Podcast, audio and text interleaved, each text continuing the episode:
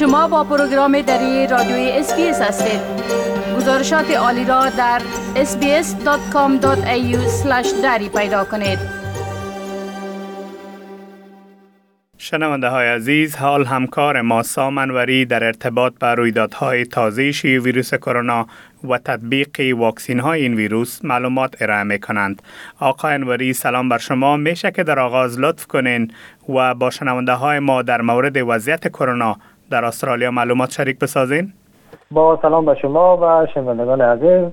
بله در شبانه روز گذشته 28 تن از ساکنان ایالت های ولز ویکتوریا و کوینزلند بر اثر بیماری کرونا جان دادند همچنین بیش از 44 هزار مورد تازه ابتلا به کرونا در سراسر کشور شناسایی شدند ایالت ولز 19183 مورد ابتلا و 12 مورد مرگ ثبت کرده 1467 بیمار کرونا در شفاخانه های نیوسات بستری هستند و 56 تن آنها تحت مراقبت شدید قرار دارند.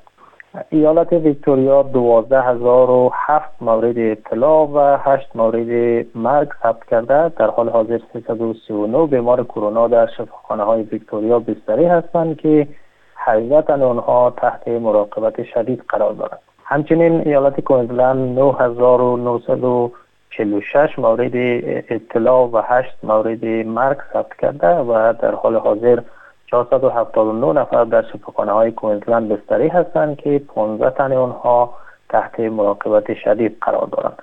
آمار روزانه مبتلایان کرونا در استرالیا در هفته های اخیر سیر سعودی داشته و کمیته اصلی حفاظت از سلامت استرالیا که متشکل از مدیران ارشد صحی فدرال و ایالتی است پیش بینی کرده که در اواسط ماه اپریل میزان ابتلا به ویروس کرونا در استرالیا به اوج خود خواهد رسید.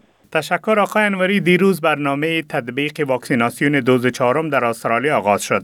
میشه که در مورد آغاز برنامه معلومات بتین و بگوین که کدام افراد می توانند دوز چهارم دریافت کنند. بله همونطور که شما اشاره کردید برنامه واکسیناسیون تقویتی دوم یا دوز چهارم برای بیش از 401 میلیون استرالیایی روز دوشنبه آغاز شد.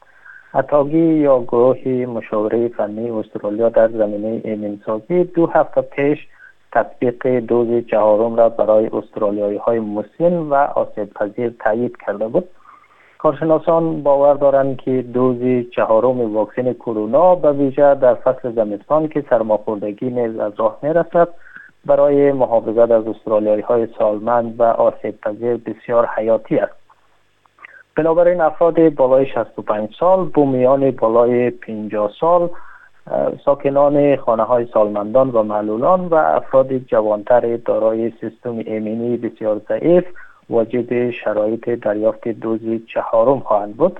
مقامات به افراد شامل گروه ها توصیه کرده که چهار ماه بعد از دوز سوم خود دوز چهارم واکسن کرونا را هم بزنند. آقای انوری حال اگر لطف کنین درباره آمار مجموعی مبتلایان و قربانیان ویروس کرونا در استرالیا و سراسر جهان معلومات بتین بله آمار مجموعی مبتلایان کرونا در استرالیا تا اکنون به بیش از چهار میلیون و 539 هزار نفر و شمار قربانیانش هم به 6398 نفر رسیده.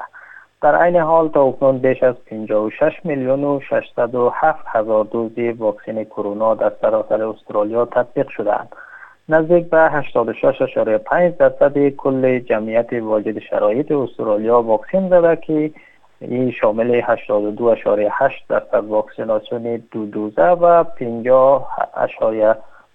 درصد واکسیناسیون سه دوزه میشه.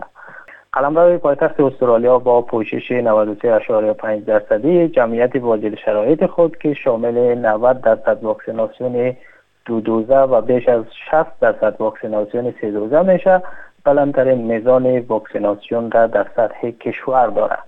آمار جهانی مبتلایان کرونا به بیش از 493 میلیون و 563 هزار نفر و شمار قربانیانش هم به بالای 6 میلیون و 169 هزار نفر رسیده ایالات متحده آمریکا با ثبت بیش از 81 میلیون مورد ابتلا و بالای 997 هزار قربانی هنوز در صدر فهرست جهانی کرونا قرار دارد و همچنین تا اکنون بیش از 11 میلیارد و دو میلیون دوز واکسن کرونا در سراسر جهان تطبیق شده آقای انوری تشکر از این معلوماتتان. روز خوش داشته باشین. تشکر از شما. خدا نگهدار.